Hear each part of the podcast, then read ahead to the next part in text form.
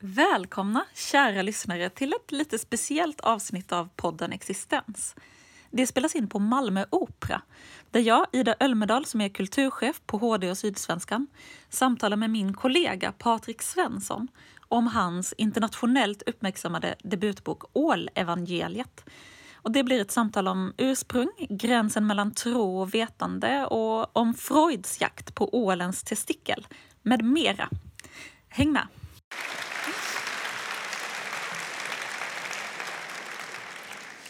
Ja, vi är ju faktiskt kollegor i vanliga fall, men jag har inte Mm. träffat dig på rätt så länge för du har varit ute och rest världen över sedan den här boken kom ut i augusti, känns det som. Eh, Ja. Du är en ganska blygsam person så jag kan väl själv få berätta att den har gjort lite succé. Eh, Hur många språk är det som den nu ska översättas till? Eh, Den är, den är såld till 33 länder, så det är, det är runt 30 språk. Ja. Ja. Och, Har du, eh, finns, har, kan du lära oss att säga ål på något främmande språk? Förutom svenska? Har du, har du den, fin, den är ute på danska och norska, det är ganska enkelt. Ål? För den heter Ål. Okej. Den är ute i... Uh, igår fick jag den holländska boken. El? Nej. Nej, den eh, heter... eh, nu har jag glömt det. Kanske någon kan googla det. Al? Nej, det är på Nej. tyska. Ja. Palling. Palling pratar man om. Ja, liten ål, ja. Publiken kan mer än du om det här. Alltså nu blir jag helt avslöjad för mina bristande äh, språkkunskaper. Men det är inte du Den kommer komma ut på så koreanska och japanska sen så det kommer bli ännu svårare. Men äh, äh, ål heter det på svenska. Så, så mycket är jag säker på. Eh, Och alltihop börjar ju faktiskt i Skåne, för dig i alla fall, i Kvidinge närmare bestämt. Ja. Där växer ditt intresse för Åland redan i, i barndomen. Kan du berätta om det? Hur Ja, var det gjorde jag. Jag har, jag har varit fascinerad av ålar ända sedan jag var liten och sedan jag var väldigt ung. Och det började ju... Eh, det började med att jag fiskade ål med min pappa. Och, eh, jag växte upp i Kvidinge, det ligger i Åstorps kommun, nordvästra Skåne. Hur är det? Kan du inte beskriva hur det ser ut där för oss som inte har varit där? Det är en liten ort, det är ett jordbrukslandskap. Eh, där finns en å som heter Rönneå. Eh, Va? Renault, det är samma som Ängelholm? Ja, den eh, rinner ut i. Skälderviken. Mm. Ehm, Det var där jag och min pappa fiskade ål. Vi, ehm, jag har varit lite hemlig med den exakta platsen för jag vill behålla den lite för mig själv. Men nu har jag avslöjat att det är Rönneå, men Rönneå är också väldigt lång så att eh. Mm, ni får leta länge om ni ska hitta platsen. Men vi, vi fiskade i Rönneå sena sommarkvällar hela min barndom. Eh, alltid bara han och jag. Ehm, och ålen blev på något sätt väldigt mycket en symbol för vår gemenskap. Liksom. Det, det var det vi hade tillsammans. Och jag, Eh, jag vet inte om ni kan känna igen det här att man har den sortens gemenskap med en förälder. Ofta en lite, kanske ganska tyst men väldigt så här fokuserad gemenskap kring en enda sak som man gör tillsammans. Jag tänker jättemycket på det när man läser boken, just här, särskilt när man kanske träder in i tonåren och det finns många saker som man inte vill prata om med sina föräldrar. Eller Exakt. liksom, Och, man eh, delar inte samma värld på så många sätt längre, men man har någonting som... Precis, och ju äldre jag blev så blev det väldigt mycket så för mig också att min pappa och jag var ganska olika och, och kanske inte hade så mycket annat gemensamt. Men vi hade alltid det och därför blev det väldigt betydelsefullt för mig, det, eh, ålen. Och sen var det också själva platsen som i mina minnesbilder var väldigt speciell. Alltså den här lilla ån, eh, växtligheten, det här pilträdet som eh, hängde ut över vattnet. Och, och när jag försökte liksom framkalla de här minnesbilderna så var de också väldigt detaljerade. Otroligt så här skarpa minnesbilder för mig. Jag, jag kunde liksom känna grä, det våta gräset och jag såg fladdermöss som flög genom luften och så här. Och, så det blev viktigt för mig att beskriva den här platsen och jag gjorde det från mina minnesbilder och, och eh, li, lite magisk plats för mig. Liksom. Det var först när jag hade skrivit nästan hela boken som jag började fundera på Men tänk om, tänk om mina minnesbilder är helt fel. Du vet. Minne, minnes, minnet kan ju lura en. Ja. Jag, jag hade gjort en stor poäng av att det var ett pilträd som, eh, som vi fiskade vid, som hängde ut över vattnet. Det blev också speciellt eftersom det här pilträdet det återkommer också i ålens historia. När, eh, ålens allra första stadion då är den en liten larv som heter lepto, leptocephalus-larven. Den beskrivs ofta som att den har formen som ett pilträdslöv. Det var sådana små eh, eh, samband som blev viktiga i boken. Så när jag närmade mig slutet så tänkte jag, men tänk om det inte var ett pilträd? Tänk om det var en al eller något annat? Det skulle inte alls vara omöjligt att mitt eh, eh, minne hade lurat mig där. Jag menar, jag ju till och med, de har till och med ritat dit pilträdslöv på omslaget. Så jag var tvungen att köra dit till den platsen, till ån, och eh, gick på darrande ben mot det här trädet Åh nej. Och tänkte att nu faller allt ihop. Liksom. Eller så får jag bara ljuga. Men det var ett pilträd. Skönt. Det var det. Mm. Men just det, för det du är inne på, att minnet liksom, det, det är ganska eh, lurigt. Det skapas ju det. utifrån de bilder som passar oss. Ja, och därför var det också speciellt att när jag åkte tillbaks till platsen efter många år och inte har varit där, att allt, eh, allting bekräftades, så att säga. Mitt, eh, de här väldigt skarpa minnesbilderna jag hade eh, stämde. Och kanske var det därför de var, eh, var så skarpa, för att de var sanna på något sätt. Just det. Hur många här inne är det som har fiskat ål någon gång? Det är ändå några stycken. Men, men inte en majoritet. Kan du berätta lite om hur man gör innan vi kommer in på de mer teoretiska delarna? Jag och min, vi använde många olika metoder, jag och min pappa, men det, den vanligaste var något som han kallade för backor, att vi satte backor. En ba, eh, backa är egentligen en slags långrev, men, men eh, vår variant var bara en väldigt enkel träpinne som han hade bundit en lina i eh, och en krok på linan och en, eh, ett blysänke som han göt själv genom att hälla smält bly i, i ett järnrör. Och så, eh, vi satte de här backarna på kvällen, på sommarkvällar och kastade i dem och lät dem ligga över natten och sen så eh, åkte vi dit jättetidigt på morgonen och, och vittjade dem.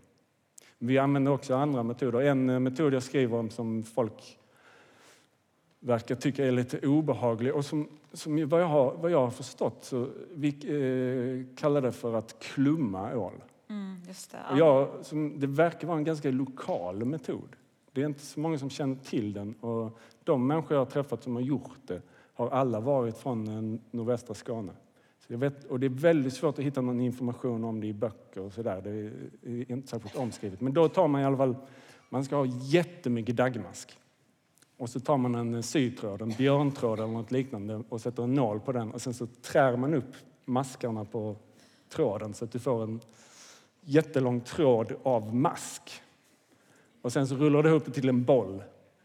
Så du har en slemmig, slingrande boll av mask som du har i ett snöre och så sänker du ner den i vattnet och då kommer ålen som såklart inte kan motstå denna slemmiga boll och sätter tänderna i den. Och eh, ålen har små men lite så här böjda tänder vilket gör att den fastnar på sytråden. Det finns ingen krok inblandad eller så. Och sen så bara lyfter du upp den med en eh, smidig rörelse. Liksom. Funkar det extra bra? Eller? Det var, det Det var, som det var väldigt väldigt effektivt. Vi fick Ja. jättemycket ål när vi gjorde det. Men Men det är också lite äckligt. det, var också, det var lite äckligt och lite omständigt. Också lite farligt för att min, min pappa, han, när vi skulle ha så mycket mask så använde han, eh, han tog en eh, grep och så satte han eh, en strömkabel i den och så körde han ner den i gräsmattan efter att ha vattnat gräsmattan. Så körde han ner 220 volt i gräsmattan och så kom alla maskarna upp så gick vi och plockade dem. Han var noga med att jag skulle ha gummistövlar på mig men när vi gjorde det. Jag har ju bett att du ska läsa ett kapitel också som också utspelar sig på plats med din pappa. Skulle du vilja göra det? Absolut.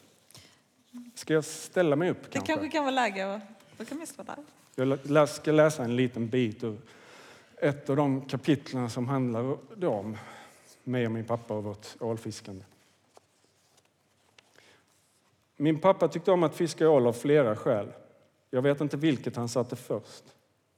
Jag vet i alla fall att han tyckte om att vara där nere vid ån. I det trollska och vildvuxna, med det tyst strömmande vattnet och pilträdet och fladdermössen. Hans föräldrahem låg bara några hundra meter bort. Det var en bondgård med boningshus och ett stall och från gården gick en smal grusväg ner över den mjuka sluttningen mot ån. Där hade min pappa sprungit sedan han var barn för att fiska eller bada. Ån hade utgjort en metaforisk gräns för hela hans värld. Han hade smugit i det höga gräset i vattenkanten och fångat möss som han stoppat levande i byxfickan och tagit med hem för att skjuta på med slangbella på gårdsplanen. Han hade åkt skridskor på de frusna översvämningarna på vintern. På somrarna hade han kunnat höra ljudet från forsen när han låg på knä i åkrarna och gallrade betor eller plockade potatis. Ån representerade hans ursprung, det som var bekant och familjärt och det han alltid återvände till. Men ålen som rörde sig där nere i det fördolda och emellanåt visade sig för oss, den representerade något annat. Den var snarare en påminnelse om hur lite man trots allt kunde veta om en ål eller om en människa, om var man kommer ifrån och vart man är på väg. Jag vet också att pappa tyckte om att äta ål. På sommaren när vi fiskat mycket kunde han göra det flera dagar i veckan. Han åt den ofta stekt tillsammans med potatis och smält smör. Mamma lagade maten hon tog den flodda och rensade ålen och skar den i decimeterlånga bitar och panerade och stekte dem i smör med lite salt och peppar. Jag tyckte om att se på. Varje gång hon la fisken i det varma järnet hände något overkligt. Ålbitarna rörde på sig. Det ryckte i dem som av spasmer när de eh, brändes av värmen.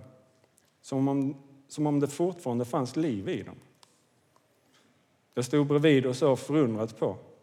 En kropp som nyss varit levande men nu var död, till och med styckad i bitar, och ändå rörde den på sig. Om döden betydde stillhet, kunde man då verkligen säga att ålen var död? Om döden tar ifrån oss förmågan att känna, hur kunde ålen då fortfarande känna hettan i stekjärnet? Inget hjärta slog längre, men något slags liv fanns det ju trots allt i den. Jag undrade var gränsen mellan liv och död egentligen går.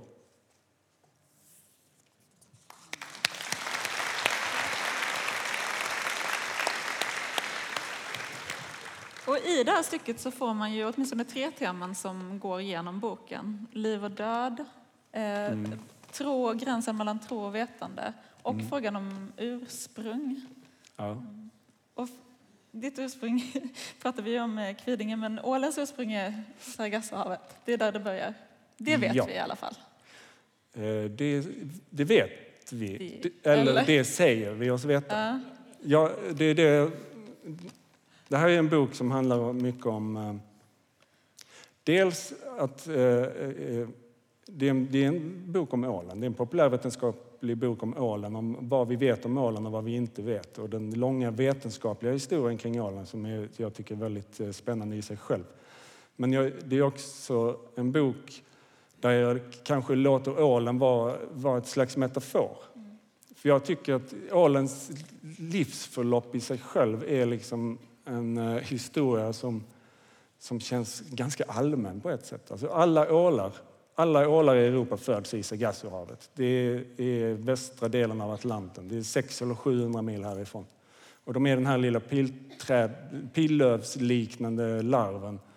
Och de föds i djupet i Sargassohavet, eh, driver med havsströmmarna, driver med Golfströmmen hela vägen till Europa. Eh, det kan ta upp till tre år.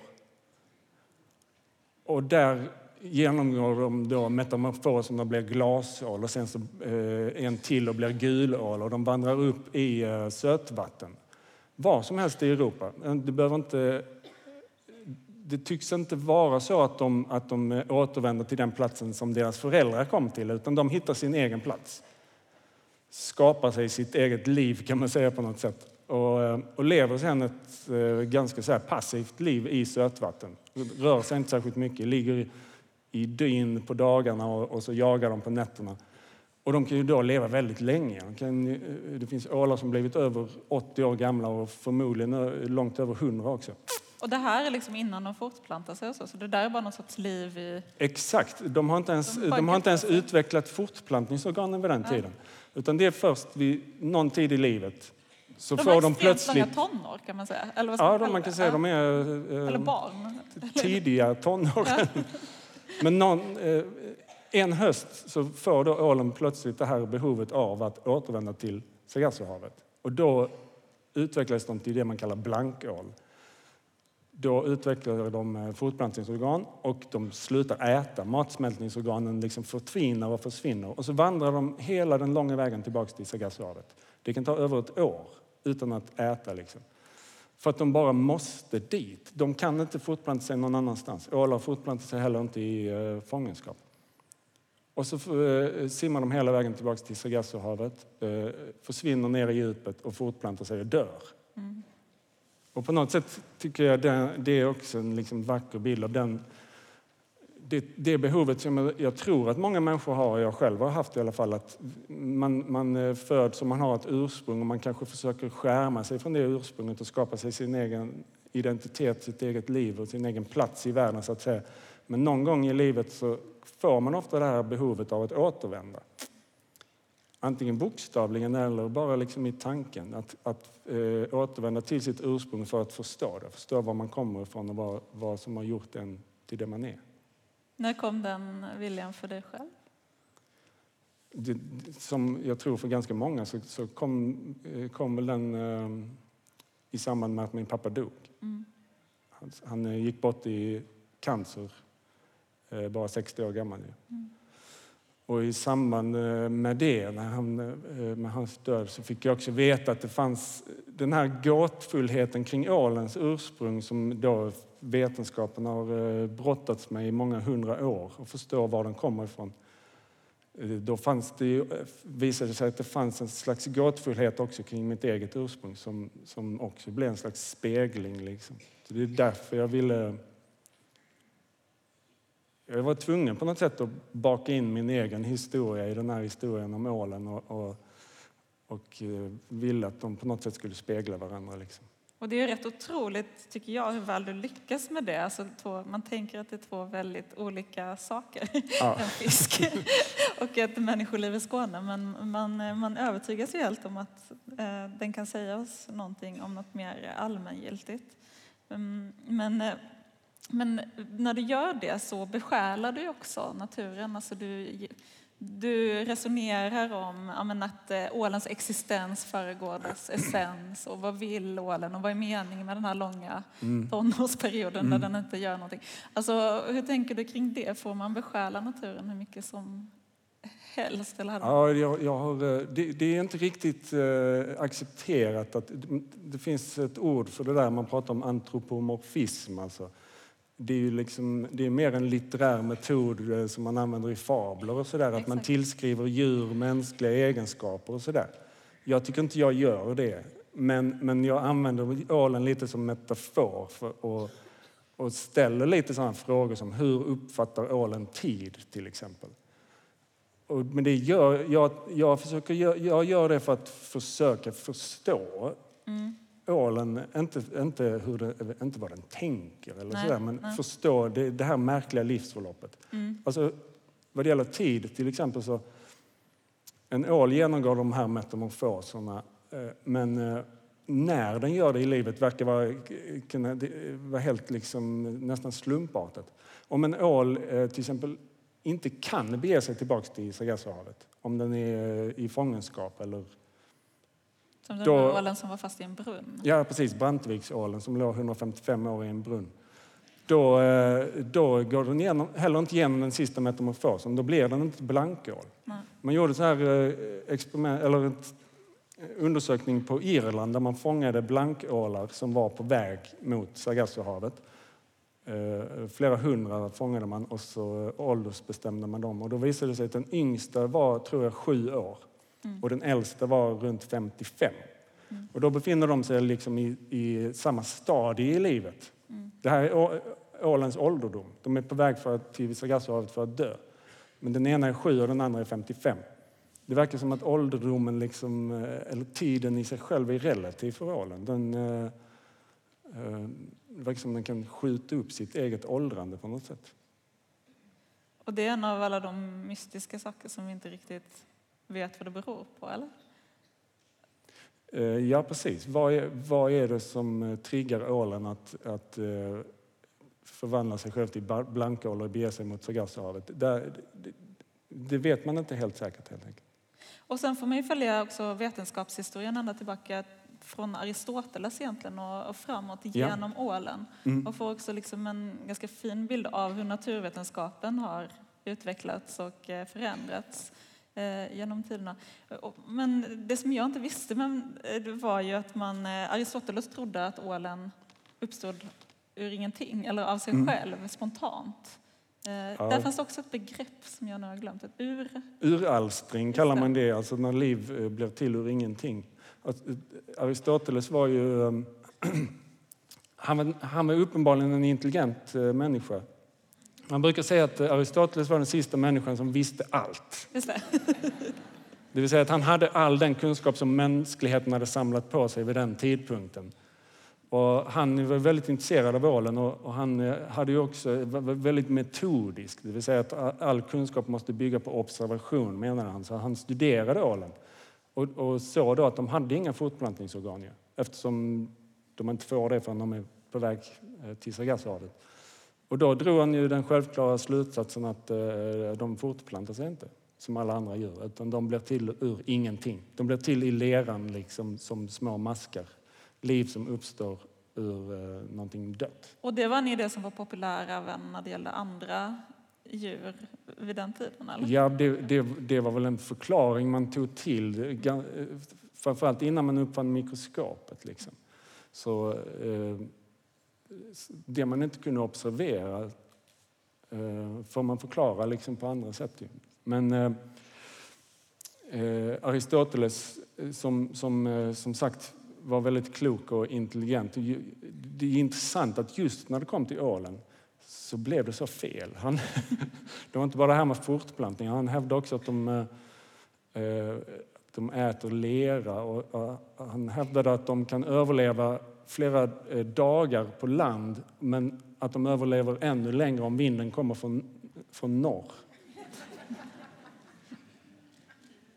Men det, det är det jag upptäckte också när jag har eh, eh, studerat så här, den vetenskapliga historien kring ålen. Så är det, jag förstod tidigt att man, man ska inte bara fråga vad vet vi om ålen utan om du frågar hur vet vi det. Mm så, så, så, finns det otroligt mycket bra och spännande berättelser och det finns väldigt intressanta karaktärer som Aristoteles och sen också Sigmund Freud som började sin vetenskapliga karriär med att studera ålen och, och han eh, skulle försöka bevisa att de hade könsskillnader.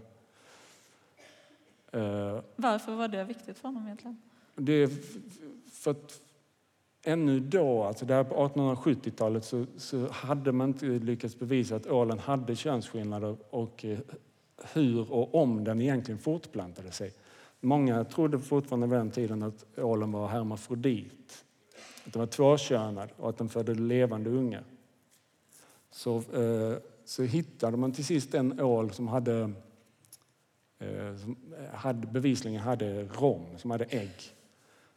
Men det bevisade ju inte att den inte var tvåkönad, så man behövde hitta en hanål. Och det man mer specifikt behövde hitta var en åltestikel. Och det tyckte Freud att det tar jag på mig.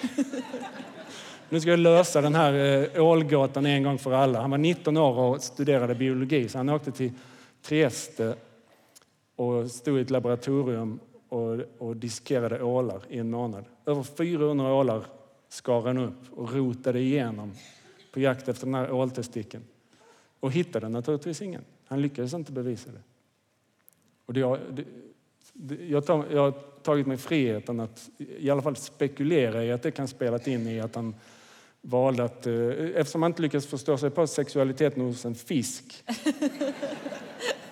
så fanns det en annan varelses, eh, varelses eh, sexualitet som kanske var lättare att förstå sig på. Så han, han han börjar studera människan istället. Fast också komma in på i och sig teorier som inte kräver så noga att man dissekerar och har ett bevis, eller? Jag tänker att han också liksom, i sina övriga teorier inte är så noga med att bevisa grejer, eller? Nej, det är ju svårt, och, och det är svårt, att, det är svårt att bevisa liksom, eh, penisavundning Exakt. genom att stå i ett laboratorium och titta i ett mikroskop. Men eh, du återkommer också till det här med behovet av att ändå lämna en liten eh, eh, spricka öppen för tro.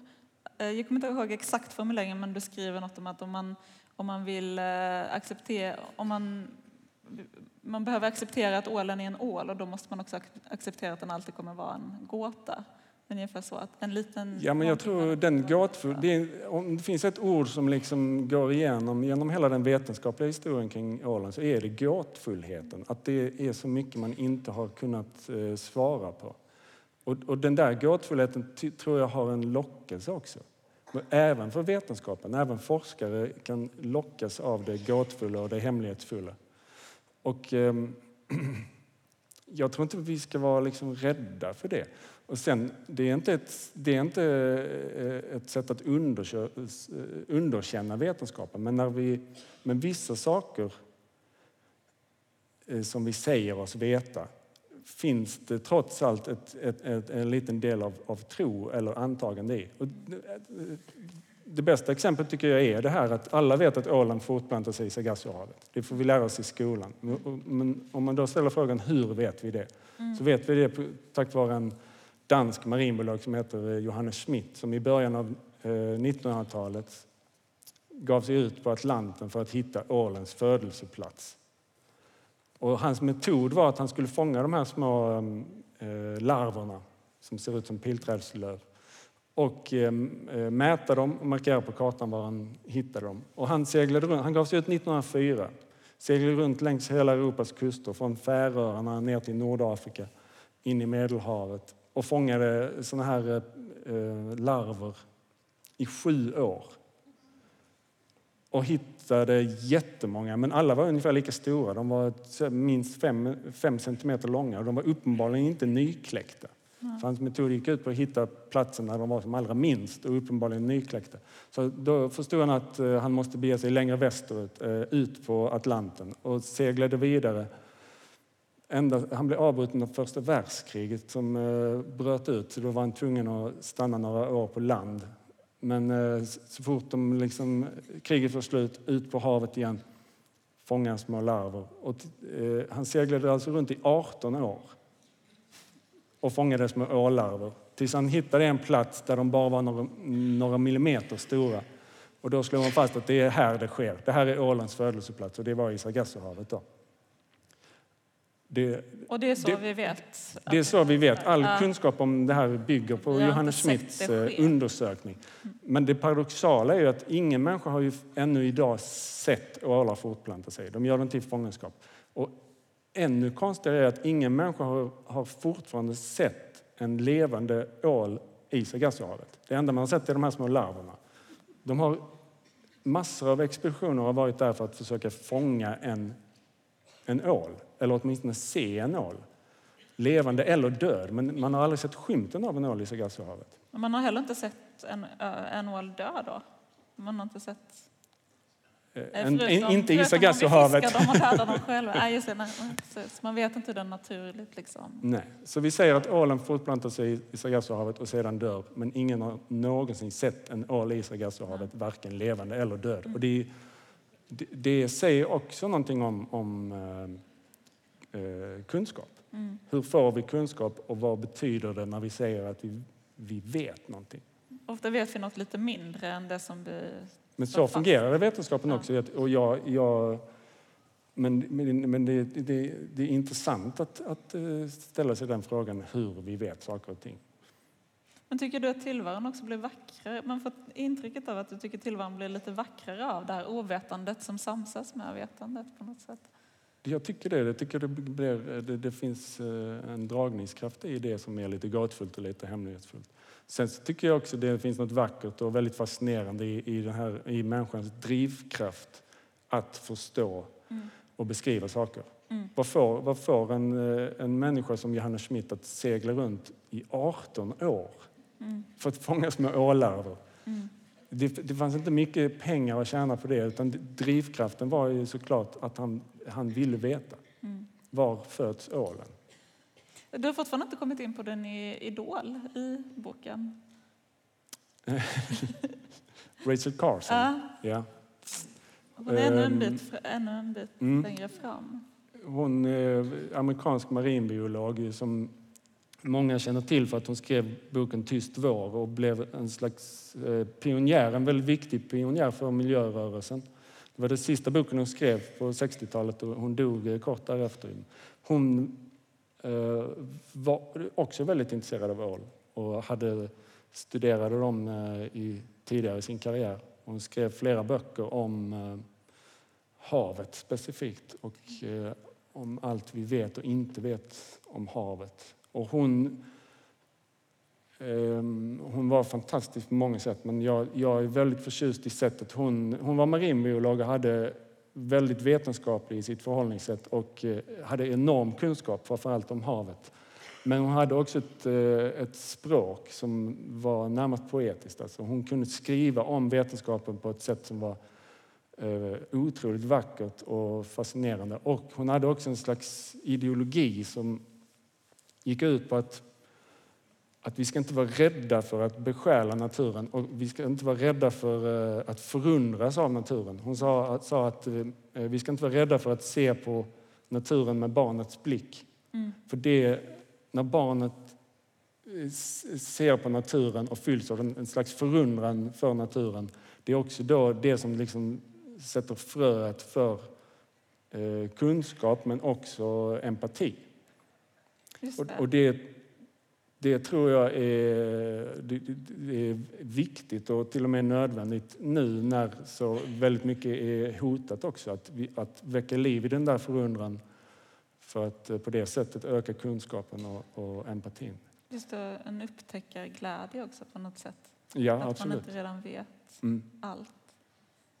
Hur gör man det då?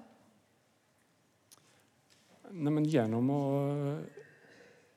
Jag tror att genom att inte vara, inte vara rädd för att riva ner den här barriären mellan eh, naturvetenskap och humaniora.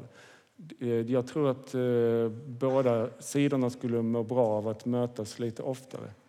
Att kunna skriva om vetenskap och naturen och, eller djur med ett delvis skönlitterärt språk till exempel. Och att man kan göra det utan att liksom ge avkall på det vetenskapliga. Just det, för det tänker man ju verkligen på när man läser boken, att du har ju läst enormt mycket. Och man märker också den här, eh, som du beskriver Aristoteles metod, att först måste man eh, se och beskriva och sen kan man försöka förstå. Det känns som att du själv har haft liksom, eh, behövt jobba med båda grejerna. Det är väldigt mycket faktainhämtning helt enkelt. Ja, ja mm, absolut. Jag har ju läst, eh, läst väldigt mycket forskningsrapporter och sådär. Eh, men jag är ju inte marinbiolog. Liksom. Men den, den är också fackgranskad av en marinbiolog så att, eh, Skönt. jag känner mig trygg. Men, hur, men eh, hur lång tid tog det för dig att skriva den? Eh, jag, ett år ungefär. Jag skrev och läste samtidigt, liksom, parallellt. Eh, Men det är underbart att komma in i den processen när allting du läser leder dig vidare till någonting nytt och eh, du vet, du har bara ålar slingande i ditt huvud dag och natt. Det låter, Det låter kanske inte så det trevligt. Men, låter underbart. Men, eh, vad heter det? men ålen är ju utrotningshotad. mm. Hur, eh, vad är, hur är läget för den nu? Eh, det, det är väldigt dåligt. Nu, just nu under hösten har det då kommit vissa nyheter om att det kanske, kanske återhämtar sig lite grann. Det har kommit lite fler glasålar de senaste åren än, eh, än tidigare. Men, eh, men det, är väldigt, det är alldeles för tidigt att säga, säga egentligen om det är en återhämtning. Men generellt är det väldigt dåligt ställt för ålen. Men, man räknar med att beståndet har minskat med mer än 95 procent sedan 70-talet. Och vad är de Det- främsta? Det är en otroligt dramatisk Ja, eh, minskning. Alltså att ål, ålen har funnits i ungefär 40 miljoner år. och, och klarat det här märkliga livsförloppet och eh, migrationen. Men nu på bara 40 år har den nästan helt försvunnit. Och, och det forskarna vet är ju att, att det är människan som är problemet. För att det finns flera, många olika skäl till att ålen försvinner men det är människan som eh, ligger bakom dem allihop. Allihop. Ja, det är miljögifter är ett stort problem för ålen och eh, vattenkraftverken är ett stort problem för att de dör i turbinerna. Eh, och klimatförändringarna i sig själva är ett stort problem eftersom uppvärmningen eh, påverkar eh, havsströmmarna vilket gör att det försvårar eh, ålens resa till och från Sargassohavet. Alla de sakerna ligger vi bakom. Eh, ja, det kan vi väl säga. Och det är det som är, där- därför att det här också är en, en bok som, som handlar om eh, klimathotet. Eh, ofrånkomligen blir det ju så eftersom ålen då är bara ett av, av många tusen exempel. Det, det är också ett sätt att skriva om, det, om klimathotet eh, genom att använda ett enskilt exempel. Eh, man pratar ju nu på allvar om att vi är på väg in eller inne i det, det sjätte massutdöendet. Och det, är alltså, det har funnits fem tidigare massutdöenden. Och det är perioder i historien då väldigt många arter har dött ut under ganska kort tid. Och det fem, senaste, det femte massutdöendet var alltså för 65 miljoner år sedan när alla dinosaurier dog ut. Just det. Det var väldigt långt innan människan ens satt sin fot på planeten. Och det var det senaste. Ja. Och nu, nu, är, nu händer det igen. Ja. Och eh, det finns forskare som menar att antalet arter på jorden kan vara halverat om bara 100 år. Och det som är unikt den här gången är dels att det går snabbare än någonsin tidigare och att det finns en art som faktiskt är ansvarig för det. Just det. Det är väldigt skrämmande och sorgligt. Men Det är väldigt det skrämmande. blir och det, väldigt konkret i den här. Ja. ja, det är väldigt skrämmande och det, jag tycker också det, det, det, det är på något sätt existentiellt otäckt att det vi får föreställa oss är i förlängningen en jord där eh, människan är ensam kvar. Liksom. Det är bara vi. Det är hemska slutord, men vår tid är ute. Men om ni vill läsa boken, vilket jag varmt kan eh, rekommendera, så kommer du signera nu. Ja. Och man ska passa på, för du signerar bara fram till klockan två. Och sen eh, sticker du hem efter lång tid på resa. Tack så jättemycket för att ni har lyssnat och tack så jättemycket för att du Tack. pratat med mig. Tack.